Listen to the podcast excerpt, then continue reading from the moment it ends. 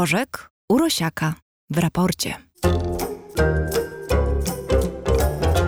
Doktor Tomasz Rożek jest z nami, gospodarz kanału YouTube'owego Nauka to Lubię. Witam cię, dzień dobry. Dzień dobry. Chciałbym, żebyśmy dziś porozmawiali o wulkanach, a to niestety ze smutnego powodu.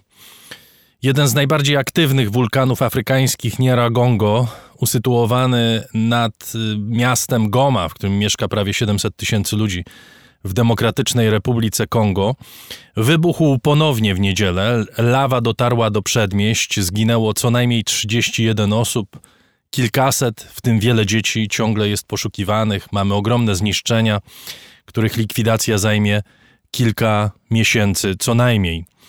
I dodam, że to nie jest pierwszy wybuch tego wulkanu w ostatnich latach. Poprzednie miały miejsce w 2002 roku, najbardziej tragiczny w 77, 1977, kiedy zginęło 250 osób. Ślady po tych wybuchach widoczne są w mieście i w okolicy. Wszędzie w zasadzie w tym, w tym rejonie zalega zaschnięta lawa. Zresztą, jeśli mają Państwo ochotę, to mm, polecam na naszym profilu ra raportu na Facebooku y, znajduje się mój fotokast pokazujący miasto sprzed 10 lat, co prawda, ale niewiele się ono zmieniło. Po ostatnim wybuchu przypuszczam, że zmieniło się na gorsze.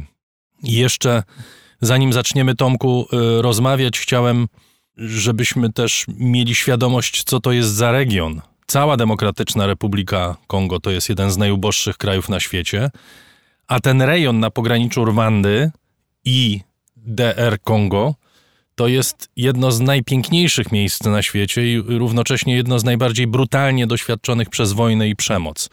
Przemoc jest codziennym doświadczeniem ludzi tam mieszkających od, od wielu dekad, zwłaszcza od 1994 roku, czyli od ludobójstwa w Rwandzie. W okolice Gomu uciekło wówczas ponad milion y, uchodźców. Tak przynajmniej Zachód myślał, że to są uchodźcy ofiary tego ludobójstwa, a tak naprawdę wśród tych, którzy uciekali, bardzo wielu sprawców się znalazło. Potem od 1995 roku armia rwandyjska i jej sojusznicy przejechali się po tym terenie jak walec i właściwie do dziś nie ma tam spokoju, ludzie żyją w ciągłym strachu. Mówię to, bo być może z naszej rozmowy dzisiaj wyniknie, jak bardzo sprawy, które gdzieś tam wywodzą się z dziedziny nauki, czy zahaczają od dziedziny nauki, czy ekologii, wiążą się y, z codziennym życiem ludzi. I teraz, Tomku, przepraszam za ten przydługi wstęp, no, ale może on jest potrzebny. Bardzo chętnie go słuchałem. Po to, żeby, żeby zrozumieć, o czym my właściwie mówimy, bo to, że wulkan wybucha, to jest jedno, a to, co powoduje ów wybuch, to jest drugie. Ale zacznijmy od początku. Powiedz, dlaczego wulkany wybuchają? Wiesz co, to jest dokładnie ten sam efekt, jaki mamy, mm, gdy otwieramy butelkę z napojem gazowanym. Gdy robimy to nagle, to nagle spada ciśnienie, więc w tym płynie, który jest w butelce, rozpuszczony gaz e, nagle się uwalnia. I jeżeli rzeczywiście to zrobimy bardzo szybko, to, e, no to mamy taką właśnie erupcję, coś wybucha. I nam na przykład plami spodnie, obrus albo wylewa się na podłogę. I to jest dokładnie ten sam efekt. W tej lawie, która jest pod ziemią, to jest, to jest e, no, płyn, w, w niej także jest rozpuszczony gaz. Gdy ona znajduje się nieco bliżej powierzchni Ziemi, to spada ciśnienie, no bo im głębiej, tym wyższe ciśnienie, więc więcej gazów się w tej płynie, w tej lawie właśnie rozpuszcza. Gdy e, lawa wędruje ku górze, a to się czasami zdarza w wyniku na przykład ruchów tektonicznych, e, spada ciśnienie, więc więcej gazu się uwalnia jako takie bąbelki. I to jest właśnie to, co widzimy wtedy, gdy um, mamy takie gigantyczne pióropusze. One co prawda nie przypominają um, płynu, czy powiedzmy takiego napoju gazowanego, ponieważ e, gęstość, lepkość tych płynów jest zupełnie inna, ale efekt jest ten sam. Ta eksplozja, czy powiedzmy erupcja, bo tak powinniśmy raczej mówić, ona wynika z szybkiej zmiany ciśnienia i z takiego gwałtownego uwalniania się gazu, który jest rozpuszczony w lawie wtedy, kiedy jest wysokie ciśnienie, czyli wtedy, kiedy lawa jest bliżej mm, e, wnętrza Ziemi. Czy da się przewidzieć wybuch wulkanu? Ja o to pytam, bo lokalne obserwatorium w Gomie, także jest lokalne obserwatorium, tylko że ono od kilku miesięcy miało obcięte fundusze przez Bank Światowy ze względu na oskarżenia o korupcję. Tylko tak zastanawiam się, czy. I to czy jest paradoks, prawda? Bo przecież tak, korupcja jest na szczytach władzy, które zawsze się przecież jakoś ewakuują, im się nic nie stanie. Więc obcinamy pieniądze Banku Światowego na obserwatorium naukowe, które chroni nie szczyty władzy, tylko chroni przecież ludzi, którzy tam mieszkają, zwykle tamtych rejonach bardzo biednych ludzi. Rzeczywiście, ale mimo obciętych tych funduszy, szef tego obserwatorium, on ostrzegał, on już w ubiegłym roku znalazłem um, taką jego, taką depeszę, w której e, była informacja, że w ubiegłym roku szef obserwatorium ostrzegał, że to jezioro lawy powiedzmy po, poniżej wulkanu, bo tam jest taka przestrzeń, która po prostu z czasem się wypełnia. Mamy sposoby na to, żeby mniej więcej sprawdzać, ile, jak bardzo ta, ta przestrzeń jest wypełniona. I on ostrzegał już w zeszłym roku, że ona już jest wypełniona, że ta przestrzeń już się zapełniła. E, a to oczywiście oznacza, że do erupcji jest e, coraz bliżej. E, co więcej, ostrzeżenia dla ludności lokalnej pojawiły się kilka godzin po erupcji wulkanu, czyli nawet wtedy, kiedy on już wybuchał, to nawet wtedy nikt tych ludzi nie ostrzegał, nikt nie ewakuował. E, zresztą chyba nie ewakuował w ogóle, oni po prostu sami się zaczęli ewakuować. Czyli te takie podstawowe tak byśmy może z naszego europejskiego punktu widzenia tak to oceniali, te takie podstawowe obowiązki państwa, administracji, e, to w ogóle tam o tym nie ma mowy. Ale to też pytanie o reakcję tak zwanej wspólnoty międzynarodowej i naukowców międzynarodowych, bo ja rozumiem, że w obecnych czasach nie trzeba mieć biura pod wulkanem, żeby wulkan obserwować. Przecież można to robić przy pomocy najprzeróżniejszych metod, nie wiem, satelitarnych. Ja już nie mówię o dronach, które też można by było puścić i one również dokonałyby takiej obserwacji zapewne bardzo precyzyjnej i szczegółowej. Powiedzmy, że tutaj na to Demokratyczna Republika Kongo nie ma pieniędzy, no ale Amerykanie, Chińczycy, Rosjanie, którzy ciągną e, surowce z Demokratycznej Republiki Kongo, mogliby się na coś takiego zdobyć. I to nawet nie są jakoś specjalnie drogie technologie. E, oczywiście wiele rzeczy można zrobić zdalnie czy z wysokości, jak mówisz, satelity. Są takie badania, m, mm, które pokazują na przykład, jak y, deformuje się m, mm, obszar w okolicy wulkanu przed e, samą e, erupcją. To da się zrobić. Natomiast e, te takie najtańsze i te najpewniejsze, to to jest jednak obserwatorium gdzieś tam na miejscu. To nie musi być instytucja naukowa taka, w której siedzą ludzie i coś mierzą, ważą, obserwują. Natomiast to może być szereg pewnych urządzeń, na przykład takich, które badają ruchy Ziemi, które badają pojawienie się gazów. To nie jest tak, nigdy nie jest tak, że, że ten wulkan to jest jedyne, że tak powiem, ujście tego, tego wysokiego ciśnienia. Tam jest mnóstwo szczelin w okolicy, więc jeżeli zainstalujemy odpowiednie urządzenia, które rejestrują stężenia niektórych gazów, jesteśmy w stanie powiedzieć o coś się zaczyna dziać albo za chwilę coś się stanie. E, I to można zainstalować, to jest bezobsługowe. To może się kontaktować z jakimś centrum za pomocą fal radiowych i tam rzeczywiście nie musi być um, zgranej ekipy, która codziennie wychodzi, tak jak mówię, coś mierzy i bada. To się da zrobić. E, pytałeś, czy da się przewidzieć wybuch wulkanu? Na pewno da się bardziej to przewidzieć niż trzęsienie ziemi. E, da się powiedzieć, że się zbliża. Da się powiedzieć, że już jest bardzo blisko. Natomiast nie da się um, przewidzieć tego tak plus minus powiedzmy 10 minut. E, natomiast da się to na tyle precyzyjnie, e, to prawdopodobieństwo określić, że w miejscach bardziej cywilizowanych po prostu jak się zbliża, to ludzie są ewakuowani zanim wybuchnie, a nie kilka godzin po tym, jak już wybuchło. Jedno pytanie się narzuca, bo to jest region bardzo gęsto zaludniony. Region, w którym mieszkają ludzie czasem nie z własnej woli. Ja wspominałem o tej fali uchodźców, która od połowy lat 90. XX wieku właściwie regularnie zalewa e, Gomę i ten rejon jeziora Kiwu, e, zresztą bardzo pięknego. I pytanie, które się narzuca, to jest taki: skoro wulkan wybucha regularnie, zresztą to nie tylko Nieragongo dotyczy, ale dlaczego ludzie osiedlają się, czy osiedlali się u podnóża Etny, skoro wiadomo było, że Etna wybucha? Dlaczego osiedlają się tam, skoro wiadomo, że ten wulkan wybuchnie i być może jeszcze za ich pokolenia będą musieli zabierać to, co mają pod ręką i uciekać, żeby ratować własne życie. Wiesz co, pewnie odpowiedzi jest sporo, całkiem może duża część z tych odpowiedzi to są, to są odpowiedzi spoza um, tego obszaru, w którym się powinienem wypowiadać, czyli, czyli poza nauką, ale bliżej gdzieś polityki. Wspominałeś o tym, że tam nie wszyscy jednak są, dlatego że chcą, tylko niektórzy, bo muszą.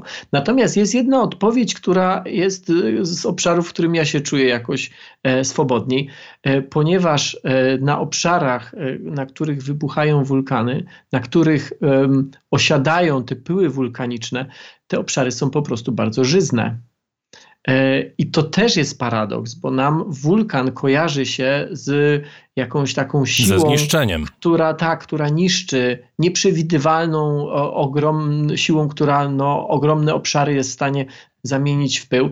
E, częściowo to jest prawda, częściowo nie. On trochę też wpływa, e, te, te, czy powiedzmy ten taki nasz obraz on, on wynika no, z tej takiej niesamowitości wulkanu, tak? ale w rzeczywistości, jak wspominałeś o, o tym, że, że zginęło 120, 150, 500 osób, oczywiście to są, to są konkretne tragedie, ale w porównaniu z innymi um, powiedzmy także naturalnymi jakimiś zjawiskami, to wulkany wcale nie są najbardziej śmiercionośne e, na naszej planecie. Ale paradoks polega na tym, że bez wulkanów nie byłoby życia w ogóle. E, to, to może brzmieć dziwacznie, ale tak rzeczywiście jest, tak przynajmniej uważamy. Wulkany są potrzebne do tego, czy po to, żeby z wnętrza Ziemi mm, wyciągać e, to, te minerały, te pierwiastki, które opadły wtedy, kiedy mm, Ziemia jeszcze była no, kulą płynną, że tak powiem, albo na pewno nie taką zastygłą, jaką jest teraz. E, te cięższe pierwiastki, te cięższe minerały po prostu opadały, no bo są cięższe. A tymczasem życie, które no, funkcjonuje na zewnątrz czy na powierzchni, a nie tam głęboko gdzieś w środku, e, tego wszystkiego potrzebuje. Jak obserwuje się, albo może nie tyle obserwuje, bo my nie mamy jeszcze tak dobrych metod obserwacyjnych, mm, jeżeli chodzi o planety, już na pewno nie planety poza Układem Słonecznym, ale jak robi się listę tych rzeczy, które muszą być spełnione, żeby gdzieś funkcjonowało, czy żeby gdzieś w ogóle mogło zaistnieć życie. E, takie kryteria. To ta lista tych kryteriów jest dosyć długa. To nie jest tylko kwestia temperatury wody i atmosfery, ale jedną z pozycji jest to, że na takiej planecie, na takim globie musi być aktywność sejsmiczna, także aktywność wulkaniczna. To wszystko musi być w ciągłym ruchu po to, żeby potrzebne i czasami niezbędne pierwiastki, minerały, mikroelementy, które znajdują się we wnętrzu Ziemi, żeby one też jakimś sposobem znajdowały się na jej powierzchni, bo życie tego potrzebuje. Także to była, e, tak jak twój wstęp był długi, to to była długa odpowiedź na twoje Ale bardzo y, ciekawa pytanie. i ważna. Dlaczego ci ludzie tam są? Dlatego, że te tereny są po prostu bardzo żyzne. I mogą zbierać trzy razy do roku żniwa na przykład. Cokolwiek się nie wsadzi do ziemi w okolicach Niragongo, to rośnie właściwie samo. Co w pewnym sensie także może być źródłem ich nieszczęścia. No tak, ale bywa też źródłem, nawiasem coś powiem, ale być może ważnego, bywa też źródłem y, szczęścia dla, dla przyrody i dla różnych gatunków, bo my na zboczach y, Nieragongo mamy piękny park narodowy Wirunga, między innymi gdzie mieszkają goryle górskie. To jest jedyne miejsce na świecie. To, to pogranicze Rwandy, Demokratycznej Republiki Kongo i jeszcze w Ugandzie. To są miejsca, gdzie one występują, nigdzie indziej na świecie ich nie ma. Nawiasem mówiąc, nic im się nie stało, tym gorylom, lawa nie uszkodziła ich habitatu, także to jest przynajmniej dla goryli dobra wiadomość i dla wszystkich ludzi, którzy się nimi opiekują. Czy to jest y, tak, że zmiany klimatyczne w jakiś zasadniczy sposób wpływają na działalność wulkanów w tej chwili? Nie, to raczej e, często pojawia się taki argument, że to wulkany wpływają na zmiany klimatu. E, wśród wielu takich różnych e, półprawd czy mitów, jakie pojawiają się w dyskusjach o klimacie, jednym z najczęściej pojawiających się jest e, ten, że mm, my się tu napinamy, my się tu staramy, my tu próbujemy gospodarkę dekarbonizować, ponosimy jakieś koszty albo będziemy ponosili, a tymczasem wystarczy jeden większy wybuch wulkanu i to wszystko e, tak czy inaczej jest nieistotne, bo przecież e, wulkan emituje także gazy cieplarniane, dwutlenek węgla czy powiedzmy metan. Otóż tak nie jest, to jest mit. Wulkany średnio emitują kilkaset milionów ton dwutlenku węgla rocznie kilkaset milionów ton. Człowiek 40 miliardów ton dwutlenku węgla. Innymi słowy, jakby to tak przeliczyć, no to mm, człowiek średnio około 100 razy więcej niż emitują wulkany. E, sprawdziłem przed naszą rozmową statystyki, więc w takim w ostatnim półwieczu największa taka eksplozja, erupcja to był wulkan Pinatubo i on wyrzucił do atmosfery 50 milionów ton dwutlenku węgla. 50 milionów ale człowiek 40 miliardów. Więc e, to są zupełnie, zupełnie nieporównywalne skale. Nawet gdy gdzieś wybuchnie wulkan, nawet jeżeli on jest duży, on ma, no to nie ma jakiegoś większego wpływu na emisję całkowitą dwutlenku węgla bo ta ludzka jest dużo, dużo większa. To, co mo, bo, bo tu mówimy o klimacie, a teraz powiedzmy o pogodzie, bo to jednak są dwie trochę różne rzeczy. Może być tak, że wulkan wyrzuca nie tylko dwutlenek węgla, ale także duże ilości pyłów. I te pyły mogą przez czas jakiś, mówiąc jakiś, mam na myśli tygodnie, a nawet miesiące, utrzymywać się w wyższych partiach atmosfery i mogą nie dopuszczać czy filtrować trochę ilość promieni światła, jakie do Ziemi dochodzą. I są znane z przeszłości przypadki, gdzie duża erupcja wulkanu spowodowała, że zostały zachwiane na przykład pory roku, że gdzieś, gdzie powinno występować lato, to lato nie występowało albo było bardzo, bardzo chłodne, plony były przez to mniejsze i tak dalej, i tak dalej. Natomiast tutaj mówimy o zmianach takich liczonych w miesiącach a nie w dekadach.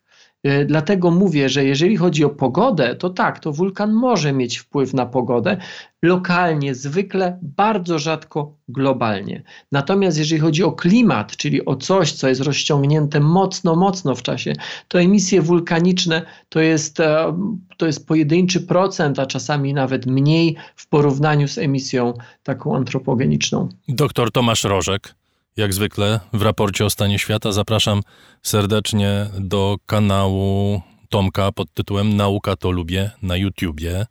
Dziękuję Ci bardzo za dziś. Bardzo dziękuję. I zapraszam przy najbliższej okazji na jeszcze.